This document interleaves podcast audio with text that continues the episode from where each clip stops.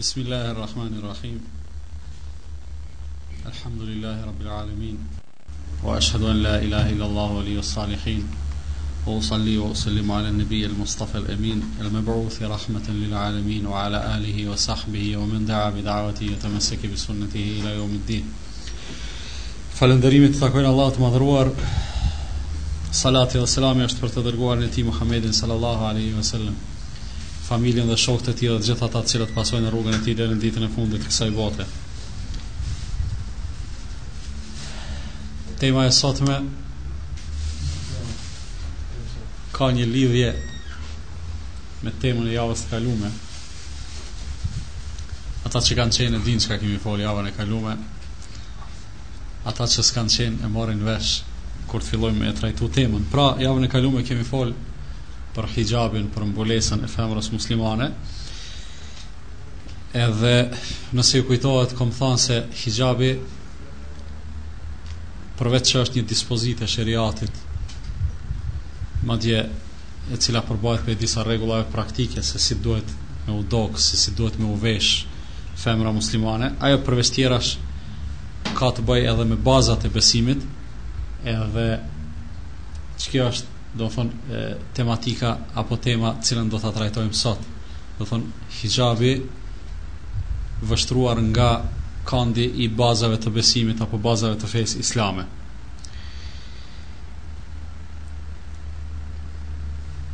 Prej asaj që kemi folë javën e kalume, e dini se cilat janë rezultatet e hijabit, respektivisht cilat janë e, dobitë e praktikimit të kësaj dispozite dhe njëkohësisht cilat janë pasojat e mospraktikimit të kësaj dispozite, kështu që këtu nuk ndalemi, nuk do të ndalemi, do të thotë që t'i përsërisim gjanat. Mirëpo, Fillimisht duhet të potencojmë se konflikti apo kacafytja në mes të vërtetës dhe të pavërtetës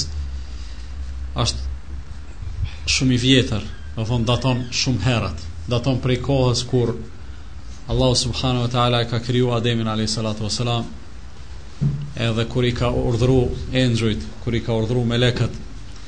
që në shenjë nderimi ndaj Ademit,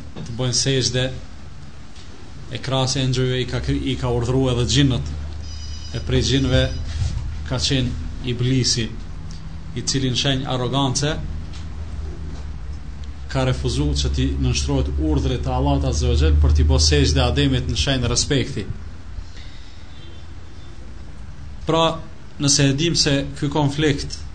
qenka kaq i vjetër, edhe po datojka kaq herët, konfliktin mes të vërtetës edhe të pavërtetës, atëherë gjithsesi duhet të kuptojmë se ky konflikt nuk është vetëm ashtu global edhe edhe nuk i nënshtrohen, do thon detajet. Mirëpo, e kuptojmë gjithsesi se kësaj të vërtete i nënshtrohet çdo detaj në jetën e njeriut. Do thonë çdo e mirë, çdo e mirë është në konflikt me çdo të keqe. Çdo vlerë është në konflikt me çdo kundërvlerë. Çdo turp edhe gjë e mirë edhe fisnike është në konflikt edhe në kundërshtim me çka me paturpësi e me të ngjashme. Andaj edhe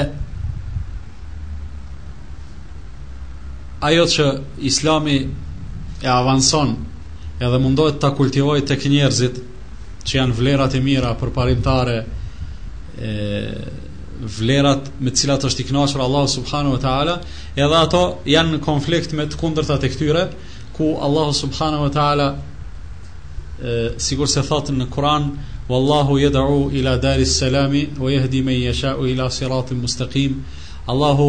fton tek shtëpia e shpëtimit dhe udhëzon atë që don në rrugën e drejtë. Pra Allahu subhanahu wa taala çdo gjë që na ofron neve ajo padyshim se ka me qenë edhe është e mirë dhe e dobishme për neve. Në anën tjetër apo përballë saj qëndron shejtani me metodologjinë e vet dhe me bashkëpunëtorët e vet, të cilët mundohen me çdo kusht njeriut me ia ofru të kundërtën e asaj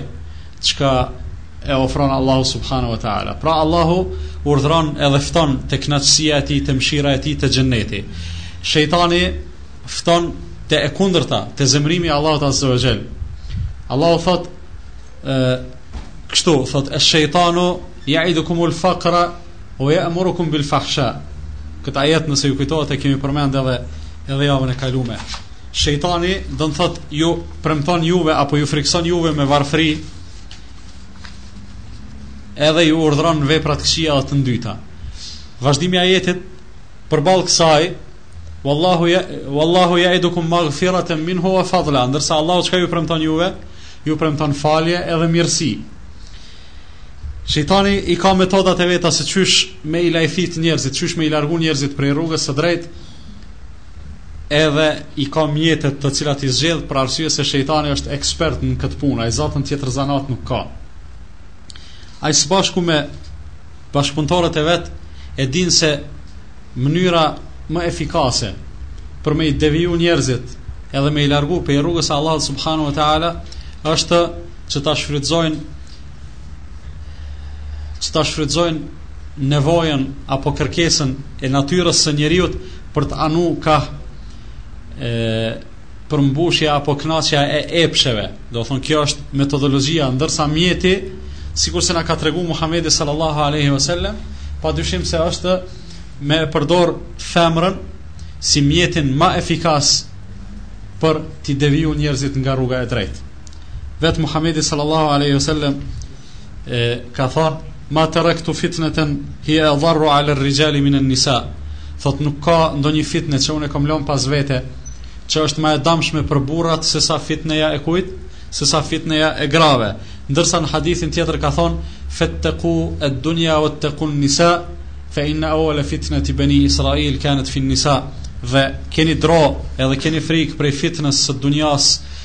edhe fitnës së femrave, për arsye se fitneja e parë apo sprova e parë në të cilën kanë rrëshqit Beni Israelët, padyshim se ka qenë e, fitneja e, e femrave. Andaj njerëzit mundohen e, njerëzit mundohen që një gjë të këtillë ta përdorin për t'i lajthit njerëzit nga rruga e Allahut subhanahu wa taala edhe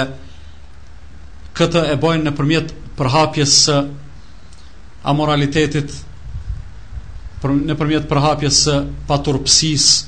nëpërmjet përhapjes së atyre gjanave të cilat e, mund të definohen me një e, definim të përgjithshëm si shfrenim. Në të vërtet njerëzit vazhdimisht të thrasin në ata qka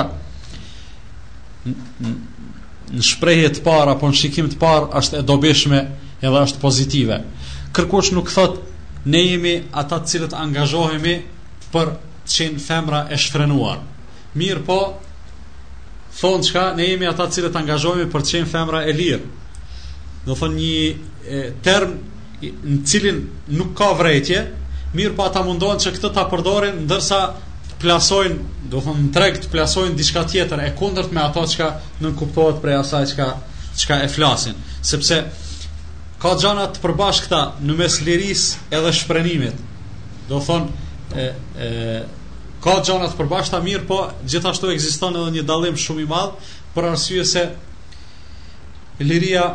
është një gja të cilën duhet ta ketë njeriu edhe Allahu subhanahu wa taala e ka krijuar njeriu të lirë edhe nuk i ka dhënë të drejtë askujt që ta robrojë askend, mirëpo njëkohësisht e ka ndaluar ato e cila është shfrenim respektivisht që njeriu të jetojë jo i lirë, mirëpo të jetojë i robruar ndaj shejtanit, domethon t'i robrojë atij të cilin nuk e sheh, edhe i cili nuk meriton t'i robrohet edhe edhe edhe të dëgjohet, edhe të shkojë pas thirrjeve edhe cytjeve të tij. Andaj ne si muslimanë shpesh herë sulmohemi nga të tjerët duke domethon duke pretenduar të tjerët se Islami i ka cungu të drejtat e njeriut në përgjithësi e të drejtat e femrës në veçanti. Për arsye se përveç tjerash ata thonë se Islami nuk e lejon femrën me udhëtu, domethonë distanca të larta edhe të largëta, sikurse don ajo vet, përveç se duhet me e pas përcjellësin, Islami nuk e lejon femrën me u vesh edhe me u duk ashtu si dëshiron ajo vetë, nuk e lejon me punu kësi lloj punë apo asi lloj punë e kështu me radhë. Të gjitha këto në të vërtetë janë vetëm tendenca për arsye se me këto dispozita, sikurse janë dispozitat e udhëtimit të femrës, apo dispozitat e veshjes së femrës, apo dispozitat e punës dhe angazhimit të femrës, këto në të vërtet nuk janë cungime të lirisë, po përkundrazi të gjitha këto Allahu subhanehu ve ta'ala i ka bo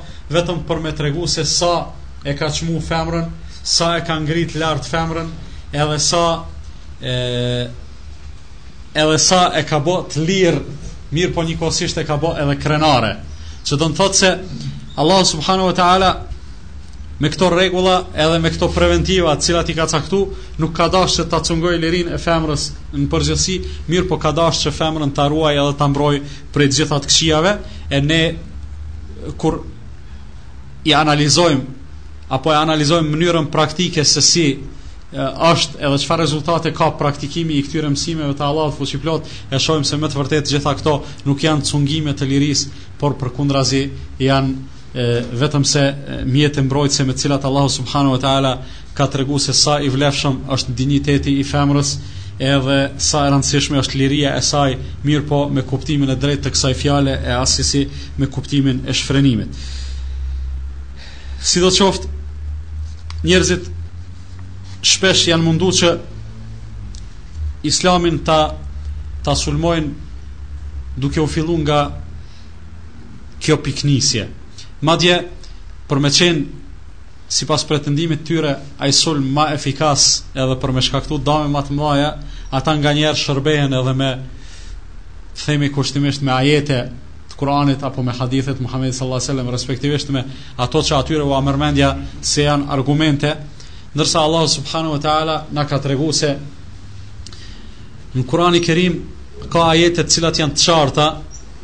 edhe të cilat është lehtë të kuptohen edhe të punohet apo të veprohet sipas tyre. Mirëpo ka edhe disa ajete tjera të cilat janë pak ma të paqarta, janë ma të fshtira që të kuptohen edhe si të këtilla është ma fshtir edhe të praktikohen për arsye se është kusht që nëse ti don me e praktiku një gjë, ato me e kuptu si duhet edhe me e kuptu drejt. Nëse është kështu, atëherë kur hasim në kësi ajete qartësia e cilëve e të cilave është më e zbehtë tek njerëzit e rëndomtë. Atëherë ato e kemi obligim që ne si musliman t'i kthejmë tek kush, t'i kthejmë te ajetet të cilat janë të qarta, edhe sipas atyre të qartave edhe të dukshmeve të punojmë. Mirëpo, çfarë të bëjmë kur ka njerëz të atillë, të cilët Allah Azza wa Jalla i ka përshkru, duke thonë fa amma alladhina fi qulubihim zaygun fayattabi'una ma tashabaha minhu ibtigha'a alfitnati wa ibtigha'a ta'wili.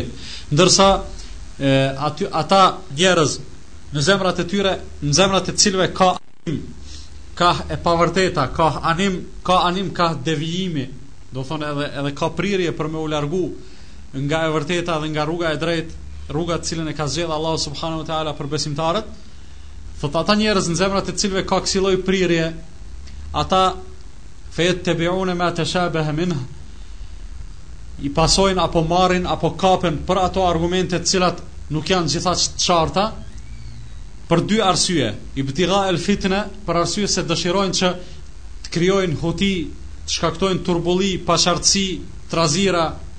largim edhe devijim nga e vërteta wa ibtigha e ta'wilih edhe motivi i dytë që gjithsesi ka lidhje me këtë parën se ata njerëz mundohen do të thotë që e, t'i devijojnë edhe vetë citatet e Allahut subhanahu wa taala edhe argumentet e tij. Andaj nëse kthehemi te pozita e femrës në Islam, e shohim se me të vërtetë Allahu subhanahu wa taala, ashtu sikurse njeriun në përgjithësi e ka e ka nderu edhe e ka dallu prej gjitha krijesave të tjera, sikurse ka thënë Allahu azza wa jall, "Wa laqad karramna bani Adam", i kemi nderuar të bijtë e Ademit, i kemi nderuar njerëzit, Dhe gjitha krijesat tjera Allahu Azza wa Jell i ka vënë në shërbim të njeriut, duke fillu prej kafshëve, shpezëve, peshqive, bimëve e kështu me radhë, gjitha ato Allahu Azza wa Jell i ka kriju edhe ia ka nënshtru njeriut, edhe kjo me të vërtetë e tregon superior, superioritetin e njeriut si krijesë e Allahut subhanahu wa taala. Ndërsa në kuadër të vet llojit njerëzor Allahu Azza wa Jell i ka nda njerëzit në dy gjini, gjinia mashkullore dhe gjinia femërore. Edhe ka bo ka lënë gjana të përbashkëta në mes tyre, mirëpo ka bo edhe dallime. Në aspektin e krijimit, respektivisht nga këndvështrimi natyror, ka dallime të mëdha në mes mashkullit edhe femrës. Aftësitë edhe mundësitë edhe fuqitë që Allah Azza wa Jell ja ka dhënë mashkullit nuk janë të njëjta me ato që ja ka dhënë men, që ja ka dhënë femrës, duke fillu nga aftësitë mendore e intelektuale, gjithashtu edhe deri te ato e, fizike apo shëndetësore. Andaj, në bazë të këtyre mundësive, Allahu Azza wa Jell i ka dhënë edhe obligimet. Edhe në aspektin e përgjithshëm, kur ishim te lloji njerëzor, Allahu Azza wa Jell na ka tregu se askënd nuk e ka obligu me ato që s'ka mundësi me e ba. Po edhe në kuadër të vetë llojit njerëzor, do të thotë kur jemi te mashkulli edhe te femra, ky rregull prap vlen. Allahu Azza wa Jell nuk e ka obligu as mashkullin e as femrën me ato çka nuk ka mundësi, ato çka nuk ka mundësi me ba. Andaj Allahu Azza wa Jall do të thotë obligimet ja ka dhënë secilit ashtu sikurse sikurse e meritojnë. Për shembull, neve e dimë se njeriu posa të hyjë në moshën e pjekurisë obligohet me obligimet islame, të cilat nuk bin prej tij, do të thotë nuk shkarkohet prej tyre përderisa të mos e arrijë vdekja. Mirëpo, kohë pas kohë, duke e pas par, parasysh natyrën e femrës, Allah Azza wa Jell e ka liru femrën prej disa obligimeve, sikurse është namazi, agjerimi e kështu me radhë, për arsye se kohë pas kohë ajo ballafaqohet me një dobësi, me një dobësi, me të cilën, apo të cilën Allah Azza wa Jell e ka bo pjesë të natyrës së saj. Andaj, edhe obligimet tjera në përgjithësi, po edhe të drejtat tjera që ja ka dhënë Allah Azza wa Jell femrës, e, kanë lidhje me natyrën e saj. Kështu që njerëzit të cilët thrrasin në barazi gjinore, që gjithsesi është padrejtësi që të bëhet barazia gjinore, për arsye se mashkulli ka edhe fuqi më tepër që t'i kryejë disa punë që femra nuk i posedon ato fuqi apo ato ato aftësi edhe mundësi. Andaj kish me qenë shumë e padrejtë që të kërkonin për shembull që femra të punojë në minierë së bashku me mashkullin, apo të punojë në mal në prerjen e druve apo të punojë punë tjera e tjera të rënda të cilat nuk ka mundësi e, nuk ka mundësi do të thotë që t'i kryejë ashtu sikurse i kryen mashkulli. Edhe në aspektin shpirtëror Allahu Azza wa Jell e ka bë dallimin për arsye se edhe vetë shpirti i femrës është më i dobët e, edhe nuk është i barabart me me shpirtin e mashkullit, ashtu sikurse edhe mendja e saj dhe intelekti i saj. Nga vetë fakti se Allahu Azza wa Jell të gjithë pejgamberët që i ka dërguar, të gjithë kanë qenë mashkuj, Edhe asnjë prej tyre nuk ka qenë femër, do thotë e kuptojmë se edhe në aspektin shpirtëror, po edhe në aspektin mendor, do të thotë femrat dallojnë prej mashkujve edhe në bazë të kësaj, Allahu Azza wa Jell i ka dhënë edhe edhe obligimet ndaj tyre. Atëherë kur dikush pretendon se Allahu Azza wa Jell i ka cunguar liritë edhe të drejtat e femrës me atë se e ka obliguar që ajo të mbulohet. Shtrohet pyetja, a thua është mbulesa një obligim apo një peshë apo një rëndim për femrën, apo është ajo një një nderim apo një respekt që ka treguar Allahu subhanahu wa taala ndaj saj. Përgjigja padyshim se për neve si muslimanë, edhe për neve që gjanat i peshojmë sipas peshojës të cilën na e ka dhënë Allahu subhanahu wa taala që është peshoja e Kuranit dhe Sunetit, gjithsesi se përgjigja do të jetë Jo, Allahu e ka nderu femrën, pasi që me obligueshmërinë e mbulesës edhe veshjes, e ka bo atë të mbrojtur prej e, shikimeve, e ka bo të mbrojtur prej dëshirave, prej lakmive, prej e, synimeve, e, keqdashëse të tjerëve. Edhe kjo gjithsesi është kështu. Mirëpo, çfarë të bojmë ne, kur sot shumica e këtyre peshojave edhe e këtyre parimeve dhe principeve e, janë nuk janë origjinale, nuk janë natyrore, sikurse duhet me qenë te njeriu, mirëpo me fitnet e mëdha, me shfrenimin e tepruar, me amoralitetin shumë të përhapur i cili ka marrë përmasa shumë të gjera, kanë fillu njerëzit që gjanat t'i peshojnë në aspektin, në aspektin e kundërt e jo ashtu sikurse e, insiston edhe shpallja, po insiston edhe logjika, insiston edhe natyrshmëria, natyrshmëria e njeriut. Andaj, nëse e krahasojmë një muslimane e cila është e ruajtur prej mëkateve, do thonë me shpirt të pastër, me moral e, të ruajtur edhe të pa të pandotur, edhe e krahasojmë një femër të rëndomtë e cila sot në jetën e kësaj bote, posaçërisht në kohën e sotme, është bë një mjet nëpërmjet të cilit e, tendenciozët edhe ata të cilët nuk ja dojnë asaj, asaj e, të mirën, e, e shërbejnë si mjet që ata të arrinë deri te fitimi material apo deri te realizimi i synimeve të, e, e, të tyre. Për shembull një femër e cila e ka profesion reklamimin e modës, që në gjuhën e sotme i, i quajnë manekene, për shembull. Ajo,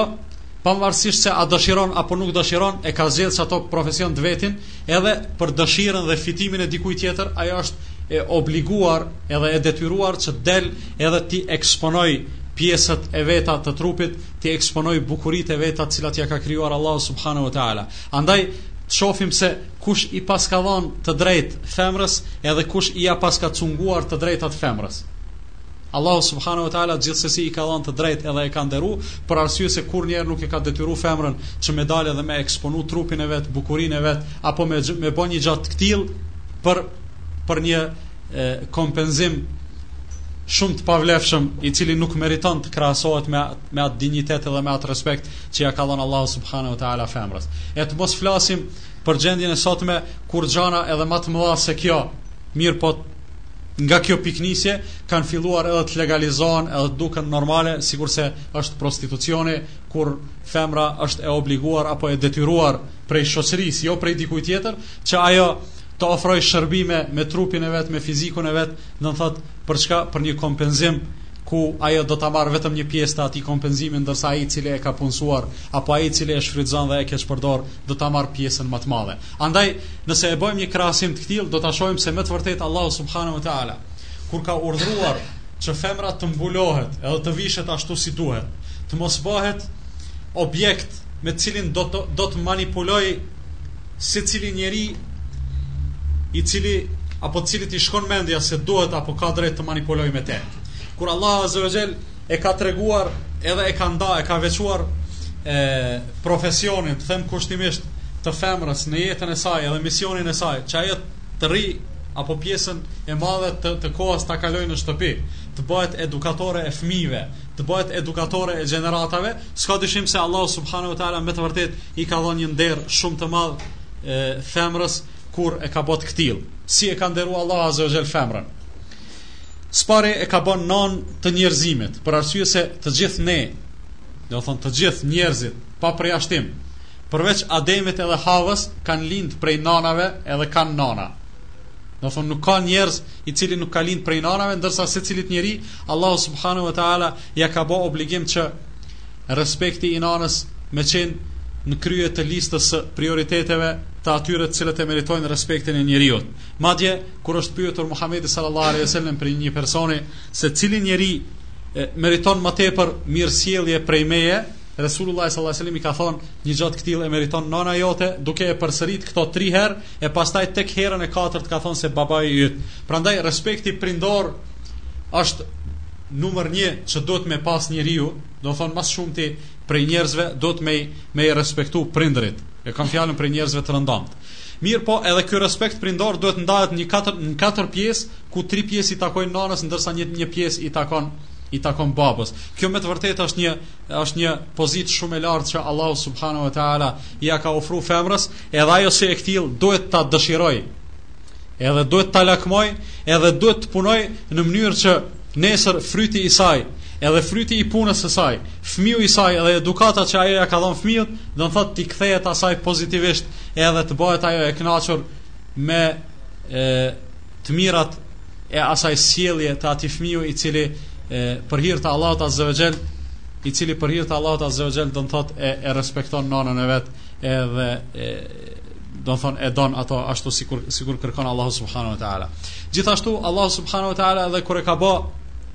femrën bashkëshorte, do të thotë i ka dhënë ato privilegjet edhe ja ka dhënë pozitën e, meritore,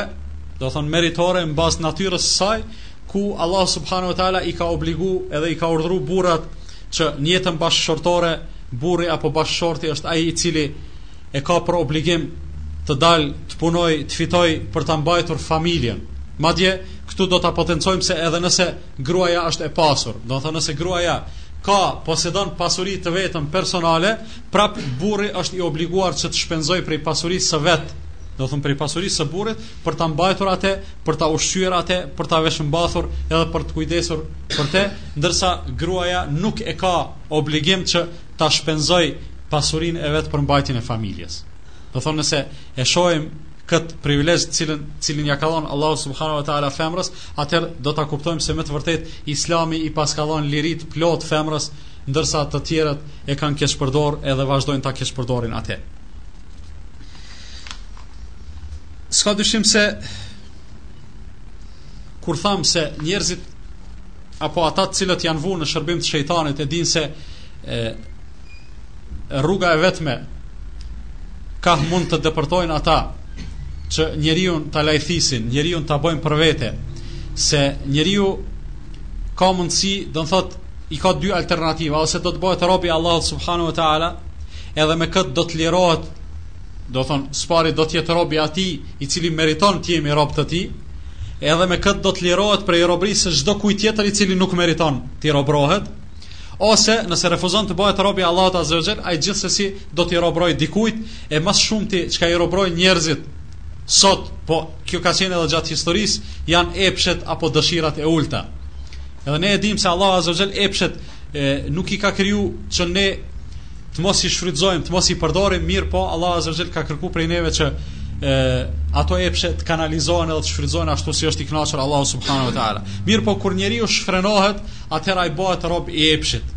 Qoftë i epshit të pasurisë, apo i epshit e, seksual, apo i epshit të kërkimit të pozitës edhe të autoritetit, apo i epsheve të ndryshme të cilat janë të shumta edhe pa dyshim se në mënyra të ndryshme manifestohen ato. Andaj, e, shejtani me bashkëpunëtorët e tij e din se femra është mjeti më efikas për t'i përfitu njerëzit edhe për t'i bo rob të epsheve, andaj e kanë e kanë shfrytëzu edhe e shfrytëzojnë atë vazhdimisht e, e shfrytëzojnë atë vazhdimisht që ta ta arrijnë deri te qëllimet e tyre e t'i robrojnë njerëzit nëpërmjet qoftë edhe nëpërmjet epsheve. Sigurisht jeni çuditur apo çuditeni kur lexoni për shembull nëpër gazeta apo nëpër vende të ndryshme se prostitucioni thonë është zanati më i vjetër në botë. Kjo e ka kuptimin se shejtani edhe ajo lufta e moçme e vjetër që qenka mes të vërtetës dhe të pavërtetës me të gjitha format e saj, do të thotë një prej atyre është edhe prostitucioni që shejtani dhe bashkëpunëtorët e tij kanë fillu ta përdorin për t'i lajthit njerëzit, për t'i largu njerëzit nga rruga e Allahut subhanahu wa taala, ndërsa mënyra më efikase që thamë apo apo mjeti më efikas përdorimi i femrës, e ata nuk kanë mundësi që një gjë të, të tillë ta bëjnë me një, një femër e cila është dinjitoze edhe e cila është e mbuluar. Kurrnjëherë nuk shohim në reklama femra të mbuluara. Në reklama gjithmonë shohim vetëm femra, domethënë çka, të zhveshura, madje shtyhen, varësisht se ajo çka po dojnë me reklamu, aq ma tepër duhet të jetë e lakuriquar edhe e zbuluar femra. Andaj edhe konflikti e, në mes do thon mes moralit edhe amoralitetit. Do thon mes ruajtjes së nderit edhe e, përdhosjes së nderit, do thon është i vjetër sa edhe konflikti në mes të vërtetës së pavërtetës, e mbas sa e shohim se edhe konflikti në mes mbulesës edhe lakuriqësisë gjithashtu është i vjetër sa janë të vjetra gjitha këto konflikte. Pra, mbulesa është një dukuri e cila ka qenë prezente edhe te ummetet e mëhershme. Do thon edhe te ummetet e mëhershme është një një mënyrë e veshjes, është një mënyrë e pamjes e cila daton prej kohëve të hershme, të hershme edhe te secili popull, te secili civilizim e shohim se mbules, mbulesa apo mbulimi sa më shumë i pjesëve të trupit të femrës ka qenë vlerë ndërsa zbulimi i, i të njëjtave do të thotë ka qenë ka qenë kundër vlerë.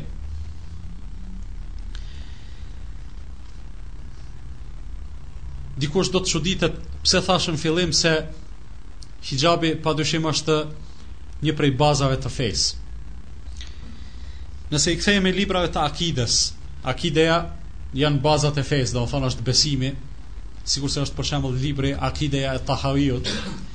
do të shohim aty gjatë leximit se përveç tjerash që ka përmend, do thon ka përfshin në librin e tij besimin në Allahun Azze ue Xhel, në ibadetin ndaj Allahut, emrat edhe cilësitë e tij, pastaj në besimin në engjuj, në libra, në pejgamber, në botën e ardhshme, në kader e kështu me radhë, përveç tjerash do të çuditeni ndoshta kur të hasni se e, në atë libër, edhe në libra të ngjashme të akides, flitet edhe për disa gjana të cilat në të vërtetë në jetën e rëndomtë janë prej gjanave konkrete apo prej veprimeve të cilat kanë të bojnë me ndonjë ibadet, sikurse është për shembull mes'hi, mes'hi mbi meste. Imam Tahaviu në librin e tij të Akides e ka përmendur se kur ka folur për akiden e Ehli Sunetit, ka thonë se edhe ne trajtojmë se e, kemi të drejtë ta shfrytëzojmë lehtësimin e mes'hit mbi meste, qoftë kur jemi vendas apo kur jemi në udhëtim. Dikujt kjo ndoshta do t'i shkaktoj huti. Do t'i shkaktoj huti dhe do të thotë çka ka lidhje mes'hi mbi meste, është një çështje, një problematikë, të cilën e trajton landa e fikhut, do thonë landa e, e jurisprudencës islame, ndërsa ky e ka përmendur në librin në librin e Akides. Kjo ka rëndësi shumë të madhe. Për arsye se e hasim se e, Ka prej fraksioneve të devijuara nga Islami që këtë lehtësim nga Allahu subhanahu wa taala nuk e kanë shfrytzuar, përkundrazi e kanë devijuar atë shumë saqë kanë bo mes'h jo mbi meste po i ka dhonë mes'h kamve, sikurse është rasti te kush te rafidhat apo te shiat. Ata, domethonë shiat prej dinit të tyre apo prej fikhut të tyre, është që kur marrin abdest në vend se me i la këmbët, ata ju japin mes'h këmbëve, jo çorapave dhe mesteve. Ndërsa Muhamedi sallallahu alaihi wasallam çka ka thonë në hadith, ka thonë wailun lil aqabi min an-nar, mjer për themrat prej zjarrit të xhehenemit. Çka do të thonë ky hadith? I ka pa Muhamedi sallallahu alaihi wasallam duke duke u marr disa njerëz duke marr abdest në nguti edhe për mos me i la komt ju kanë dhënë mes'h komve Pejgamberi sallallahu alajhi wasallam ka thonë lani komt se nëse nuk i lani komt mjerë për komt e juaja që kanë me hy edhe kanë me u djeg në xhehenem. Andaj kur janë në pyetje kësilloj fraksione të devijume, dietarët e kanë pa të udhës që edhe një gjë e cila ndoshta është shumë e dytësore në në veprimet e muslimanit, do të thonë kur është në pyetje apo krahasimi me akiden edhe me çështjet elementare, e kanë fut në librat e akidës për çfarë arsye? Për arsye se edhe nëpërmjet mes'hit mbi meste ne dallohemi prej e, fraksioneve të devijuara. Ndërsa kur është në pyetje hixhabi, edhe kjo është bë, do të thotë prej bazave të fesë, për arsye se edhe pse i takon, edhe pse i takon, do të thotë si temë, është land, e, cilën e trajton e, fikhu, mirëpo është bë prej bazave të fesë për arsye se është bë çështje, është bë problematika me të cilën po lidhen po lidhen shumë gjana, po, po lidhen edhe po ngriten bajraqet. Sikurse është bo sot, do të thotë shenjë apo simbol e mjekra apo një pamje e caktume, pantollat e shkurta apo kështu me radhë tek meshkujt, edhe mbulesa tek femrat, ku armiqtë e islamit automatikisht si të shohin dikend me kësilloj pamje e kanë kriju një profil se kështu patjetër duhet me u duk terroristi apo ekstremisti, apo fundamentalisti, apo kështu me radhë. Kjo në të vërtetë, e dim ne prej, prej fesë sonë se në fenë islame as nuk ka terrorizëm, e as nuk ka ekstremizëm, se islami është fe e mesatarës, është fe e cila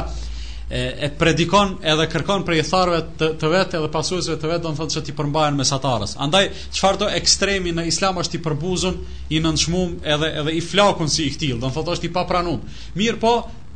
dikush me qëllim me qëllim të keq edhe me tendenca, do thot kanë dashur që profilin e dikujt që sot është i padëshirueshëm në shoqërinë njerëzore ta paraqesin nëpërmjet çka? Nëpërmjet përmbajtjes me nëpërmjet e principialitetit të dikujt i cili i përmbahet rregullave të Allahut subhanahu wa taala dhe thuhet se edhe bëhet me gisht se kur ta shohish një një një djalë i cili duket kështu e kështu apo një vajzë e cila është veshur kështu e kështu atëherë ta dish se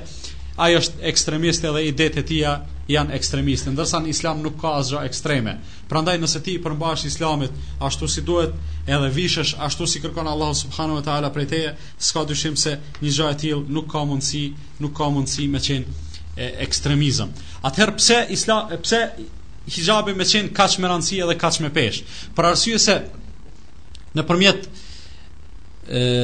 pranimit të femrës muslimane, që të vishet edhe të duket ashtu si kërkon prej saj Allahu subhanahu wa taala. Ajo edhe me pamjen e saj, edhe me veshjen e saj po proklamon një gjë shumë me rëndësi. Ajo gjë është ajo për cilën ka fol Muhamedi sallallahu alaihi wasallam, ka thënë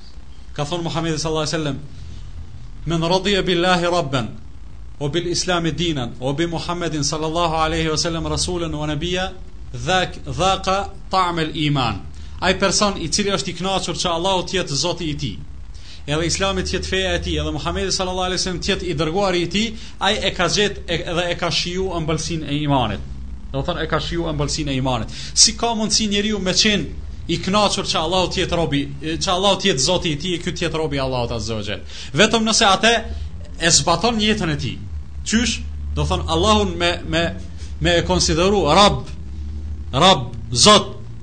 Do të thonë, ti duhesh me ju përul atij, me ju nënshtruar atij edhe me e shpreh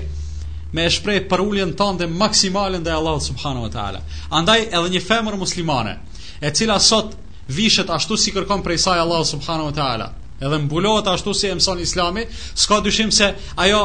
përveç tjerash edhe me pamjen e saj, me veshjen e saj, me hijabin e saj, ka tregu se me të vërtet, unë jam e knaqur që Allahu të jetë zoti im, islami të jetë feja ime, dhe Muhamedi sallallahu alaihi wasallam të jetë i dërguari im.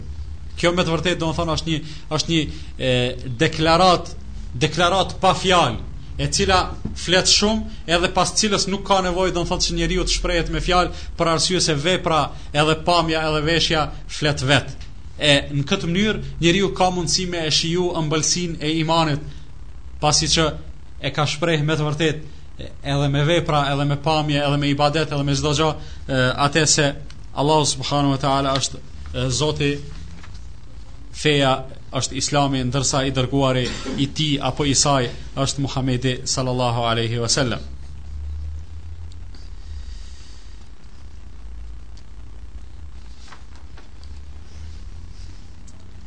Ka shumë njerëz sot të cilët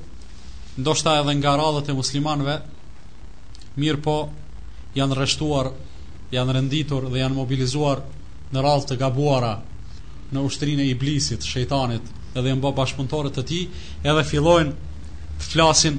kundër disa gjanave të cilat në islam janë me bazë, janë parimore, në mesin e tyne është edhe hijabi, edhe mundohet domethënë që në emër të islamit t'i luftojë disa gjana të cilat janë islame. Ne sot hasim shumë prej muslimanve të cilët thonë krejt në rregull, e dimë se Islami është feja ma e mirë, ma përparimtare, ma kështu me radhë, mirëpo më duket se Islami ia ka cungu e, femrës lirinë, përderisa e ka urdhëruar, do të thotë që ajo të mbulohet. Një gjë e këtillë është shumë e rrezikshme. Do thotë njeriut e i duket se kur e shpreh një fjalë apo një fjali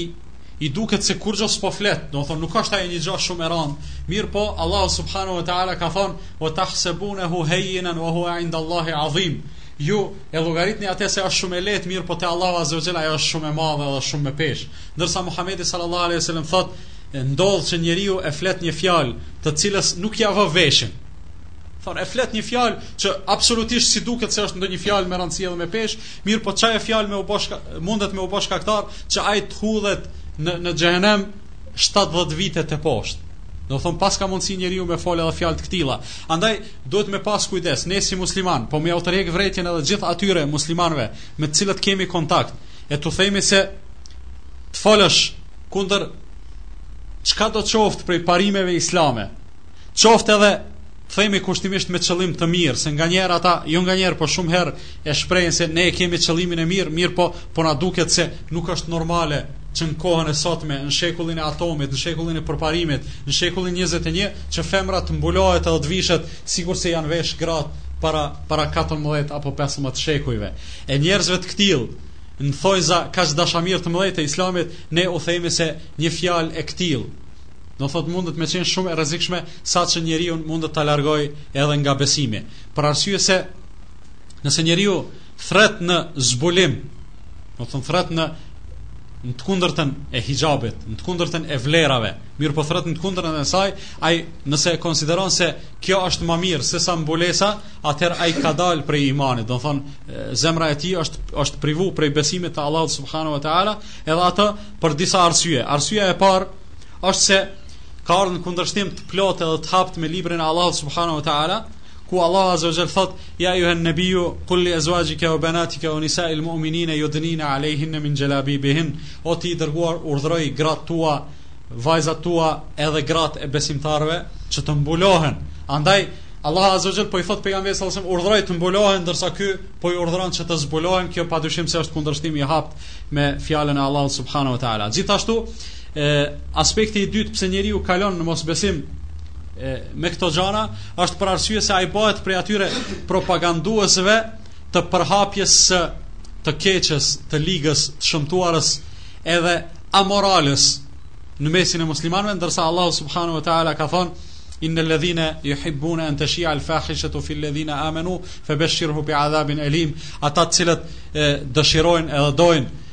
që e, e shëmtuara dhe e liga e keqja e pamoralshmja të përhapet në mesin e besimtarëve, atëherë thotë ata përgëzoji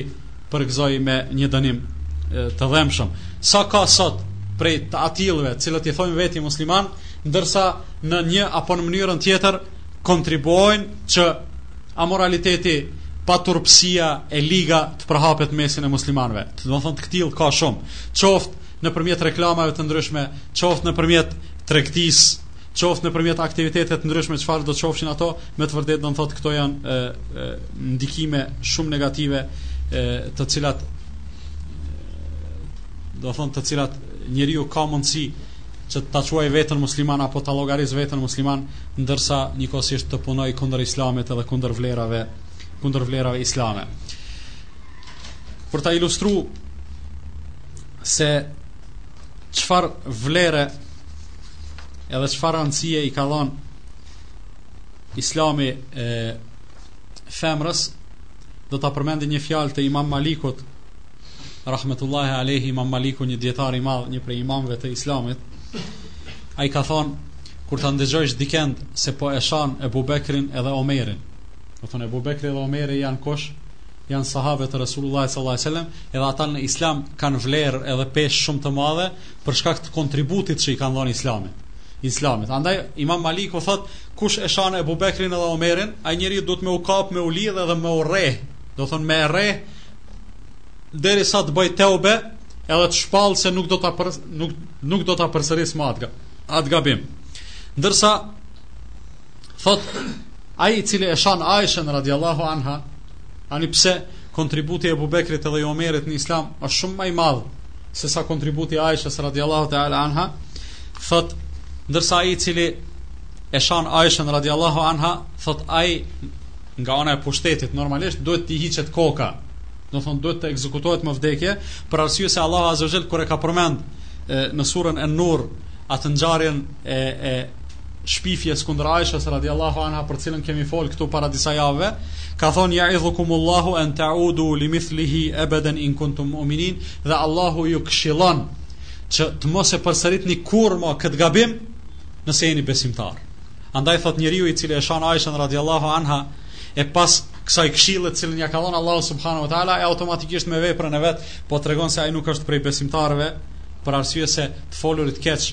për Aishën radiallahu anha është një kundërshtim i haptë i Kur'anit i librit të Allahut subhanahu wa taala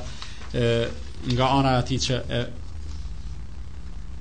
e praktikon një gja të këtillë. Andaj, e, hixhabi, pa dyshim se është një prej parimeve themelore islame edhe është një prej simboleve Do thonë është një prej simboleve nëpërmjet të cilave e, njihet Islami edhe dihet Islami, njeriu ku, ku do qoftë me shku, qoftë edhe në një mes ku nuk ka musliman, vetëm me e pa një femër të mbuluar simbas mënyrës islame, automatikisht ka me e ditë se ajo është muslimane, ani pse ani pse ka edhe njerëz të tjerë, edhe gra të tjera, të cilat mbulohen gati, sikurse gratë muslimane, sikurse janë për shembull tek krishterët motrat e nderit, megjithatë mbulesa islame dallon, edhe ajo është bë një prej simboleve islame, sikur se ka thon Sheikhul Islam Ibn Taymi rahmetullahi alayh, ka thon se mbulesa edhe praktikimi i mbulesës është rrugë e besimtarëve. Do thon është rrugë edhe traditë e besimtarëve. ë Edhe thot, do thon kjo është bë traditë e besimtarëve prej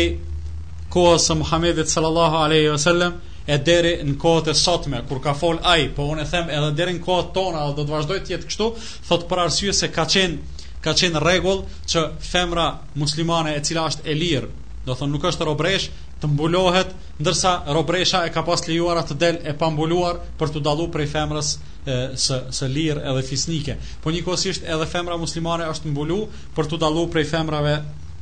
prej femrave jo besimtare.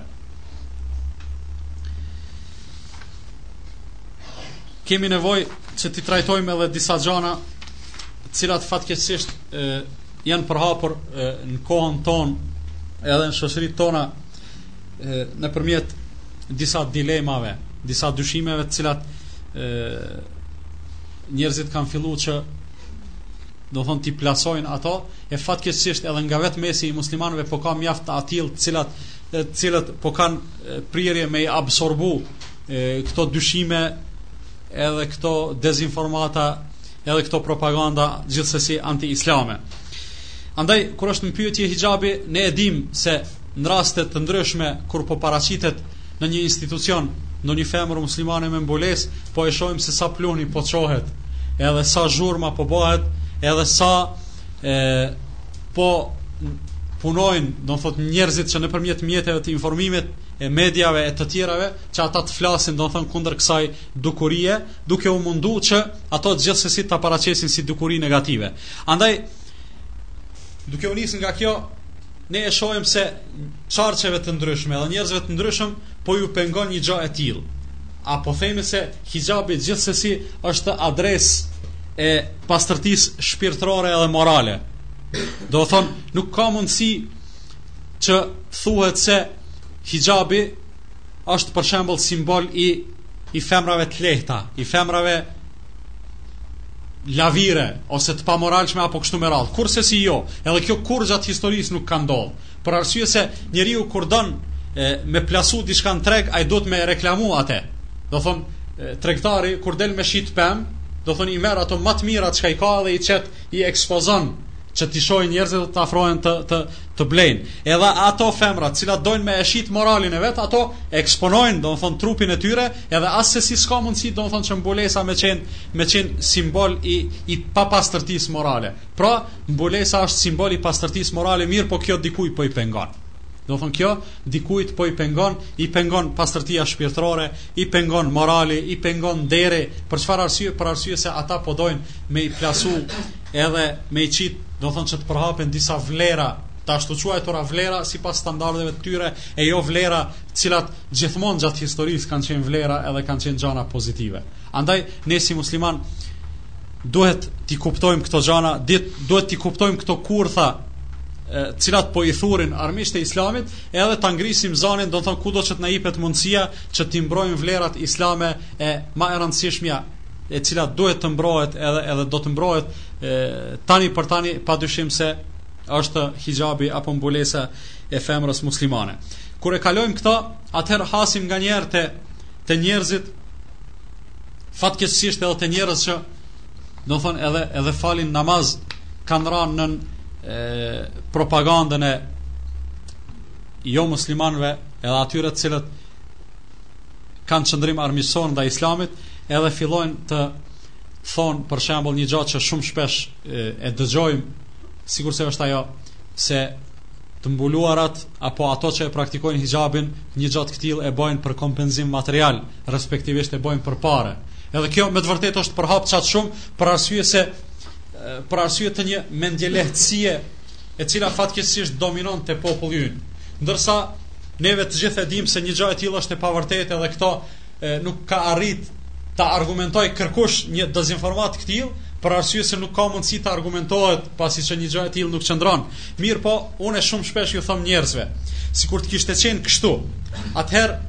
ne e dimë se ne si musliman, si robër të Allahut Azza wa Jall, si njerëz të devotshëm, do thonë edhe mashkuj edhe femra, jemi njerëz që jemi mundu t'i pastrojmë zemrat tona dhe shpirtat tonë prej materializmit, prej animit të tepërt ka materia. Kah paret. Sikur të ishte kështu, atëherë neve nuk do të na vinte radha që të mirrnim pare, qoftë femrat tona, motrat tona për mbulesë, apo ne për namaz apo për pamje, para atyre të tjerëve të cilët nuk i robrojnë Allahut azza wa jall, po i robrojnë materies. Ata do të shkonin edhe do do të pritnin në radhë para neve për ta marrë për ta marrë domethënë një pagë edhe do të ishin në gjendje domethënë se çfarë do të bënin. Domethënë kur një femër e pamoralshme është në gjendje me e shit trupin e vet për pare, atëherë ajo edhe mbulesën do ta do ta do ta veshte për pare, mirëpo një gjë e tillë do të thotë nuk qëndron. Ë përfundimi i kësaj i kësaj, do të thonë i asaj çka është fol javën e kaluar, edhe i kësaj që u fol sot. Është se një femër muslimane e cila vendos që sot në një kohë të fitnes, në një kohë të largimit masovik të njerëzve nga rruga e Allahut subhanahu wa taala, në një kohë kur shejtanët janë dalë nëpër rrugë të ndryshme edhe thrrasin, vazhdimisht thrrasin edhe e lehtësojnë arritjen deri tek ata, edhe deri tek thirrjet e tyre. Në këtë kohë kur një i ri apo një e re vendos që të orientohet ka rruga e Allahut subhanahu wa taala, t'i praktikojë mësimet e Allahut, edhe të deklarojë me veprën e vet para fjalëve të tija se ai, ai apo ajo është i kënaqur që Allahu të jetë Zoti i saj, që Islami të jetë feja e saj edhe Muhamedi sallallahu alaihi wasallam të jetë i dërguari i saj, atëherë s'ka dyshim se kjo me të vërtetë është një sakrificë e madhe, është një xhihad i madh, është një gadishmëri e madhe që njeriu të shpreh në këtë kohë të fitnes se unë me të vërtetë dua t'i robroj Allahut subhanahu wa taala. Andaj kjo është një sihariq shumë i madh për edhe për ata djem, po edhe për ato vajza. Do thonë një motër muslimane sot, e cila pranon me e vesh hixhabin, edhe në atë mënyrë me u paraqit në rrugë, edhe me u paraqit në rrethin ku jeton, me të vërtetë Kjo është një argument për një iman shumë të fortë të saj. Për çfarë arsye? Për arsye se krejt rrethi, krejt ambienti, krejt shoqëria, çdo gjë që na rrethon është kundër asaj. Domethënë është kundër adhurimit të Allahut Azza wa Jall. Edhe çdo gjë që na rrethon vetëm se i lehtëson rrugët ka fesadi edhe ka e keqja, ndërsa i vështirëson njëkohësisht rrugët ka e mira edhe ka afrimi ka Allahu subhanahu wa taala. Andaj unë e kam një porosi, një mesazh për motrat muslimane. Assesi mos e ndini veten të dobëta. Assesi mos e ndini veten të nënçmuara. Përkundrazi ndijeni veten krenare për arsye se në mesin e gjithë këtyre njerëzve, të cilët bredhin edhe lajthisin nga një rrugë e errët në një rrugë të errët tjetër, nga një epsh në epshin tjetër, nga një errësirë në errësirën tjetër, pikërisht ty Allahu Azza wa Jall të ka dashtë edhe të ka zgjedh që ti të jesh ajo e udhëzuara, ajo e cila e praktikon e, mësimin e Allahut subhanahu wa taala, ajo e cila kur paraqitet në rrugë, vallahi je sikurse një pishtar ndriçues, sikur në një errësirë të madhe paraqitet dikush me një dritë. Zatën i sheh njeriu shikimet e njerëzve se si drejtohen ka një musliman apo muslimane posa të paraqitet në rrugë. Dikush ndoshta e shiqon me urrejtje, dikush ndoshta e shiqon me nënçmim, mirëpo ka edhe të atillë, e ata sigurisht nuk janë të paktë që dikush e shiqon me admirim, e dikush e shiqon me huti se nuk din se çka është kjo punë kështu, a thua është mirë apo jo. Andaj, neve do ta përkujtojmë, do t'ia përkujtojmë vetes një fjalë të Allahut Azze ve Xhel, në të cilën Allahu thotë, ve la tehinu, ve la tahzenu, ve entumul a'levne in kuntum mu'minin, dhe assesi mos e ndini veten të dobët, edhe assesi mos u pikëlloni Se vallahi ju jeni më të lartit nëse jeni besimtarë. Domethënë nëse jeni besimtarë, ju jeni më të lartit, ju jeni më përparimtarët, andaj ne si muslimanë, domethënë duhet të mburremi edhe t'i jemi mirënjohës Allahut Azza wa Jall, që Allahu na ka zgjedh në mesin e gjithë këtyre njerëzve që ne të jemi bartës të fjalës së Allahut, ne të jemi praktikues të udhëzimeve të Allahut Azza wa Jall, se sikur të mos na mëshironte Allahu dhe të mos na zgjidhte mu neve Allahu Azza wa Jall, ndoshta ndonjëri prej neve do ta gjente veten në humnerat e lajthitjes, në mesin e drogës, alkoolit, prostitucionit e tjera e tjera që janë gjithsesi dhe domethënë të këqija, mirëpo Allahu na ka mëshiruar dhe na ka zgjedh, andaj duhet t'i jemi, t'i jemi mirënjohës Allahut azze ve xhel, të tjerët që nuk janë sikur ne t'i shiqojmë me sytë e dhembjes, le të na dhimben me sytë e mëshirës, t'i mëshirojmë edhe të bëjmë dua që Allahu azze ve xhel edhe ata t'i udhëzojë sikurse na ka udhëzuar neve, me kaq e përfundojmë. e, këtë duke kërkuar falje nga Allahu subhanahu wa taala për rrëshqitjet e gjuhëve tona, për aty ku s'ja kemi qëllu, fajtori jemi ne edhe shejtani, ndërsa aty ku ja kemi qëllu, merita i takon Allahu subhanahu wa taala, andaj atij i takon falënderimi në fillim edhe në fund.